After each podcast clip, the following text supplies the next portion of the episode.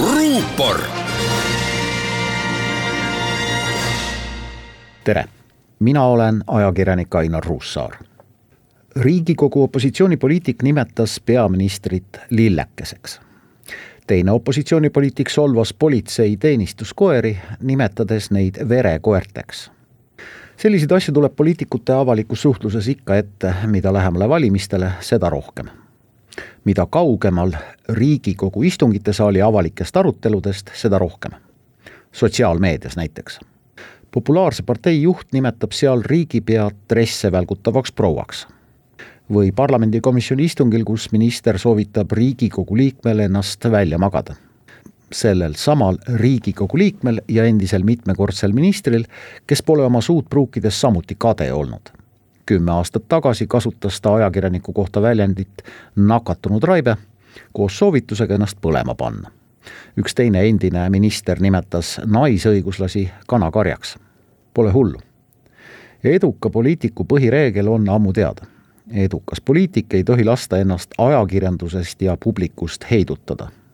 sest võimule pääsevad ja seal püsivad ainult need, kes seda tahavad iroonia ja demagoogia on seejuures peaaegu vältimatud võtted. tuhande üheksasaja kahekümne neljanda aasta novembris juhtus Riigikogus näotu lugu. toonane valitsuse liige Otto Strandman nimetas toonast parlamendiliiget Karl Ipsbergi kaabakaks ajaleht Kaja pühendas sellele seigale pika loo pealkirjaga Halb vahejuhtum Riigikogus. tsiteerin seda peaaegu saja aasta tagust kirjatükki üleeile õhtul oli Riigikogus väga halb vahejuhtumine. esimene niisugune meie parlamendi ajaloos. parlament on ju poliitilise toitluse koht, kus rahvaesitajate ja isegi rühmade vahel teravused ette tulevad. Eesti parlament on selle poolest võrdlemisi rahulik olnud, isegi kommunistide ajal Õnneks pole saja aastaga asjad hullemaks läinud ja parlament on endiselt poliitilise toitluse koht, kus teravusi ette tuleb siiski tasub kahtede valimiste aastal meelde tuletada Riigikogu liikme hea tava, mille algataja oli kahe tuhande kaheteistkümnendal aastal tänane peaminister, keda nüüd lillekeseks nimetati. peamiselt korruptsioonile keskendunud hea tava kohustab Riigikogu liikmeid siiski kolleegide ja teiste kaaskodanike vastu olema lugupidav, viisakas ja vältima sobimatut keelekasutust. hea tava on oskusliku kasutamise korral hea tööriist eneseotsingute virvarri viidud erakonna Isamaa praegune juhtkond tahab partei volikogus heaks kiita oma hea tava.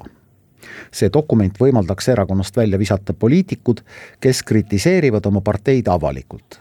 ehk siis need, kes teevad partei siseasjad avalikuks. muidugi on erakond kui mittetulundusühing selgete organisatsiooni tunnustega nähtus, millele kehtivad ka organisatsioonikultuuri reeglid kirjutamata hea tava on see, et organisatsiooni siseasjadest ja seal ikka ette tulevatest vaidlustest avalikkusele ei räägita. erakond ja parlament on siiski veidi erandlikud organisatsioonid.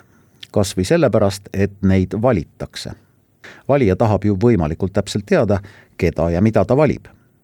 ja valitav tahab partei tagatubades võimalikult täpselt maalida valijale kõige meeldivama pildi isegi kui sellel pildil on kujutatud lillekese verekoerad. ruupor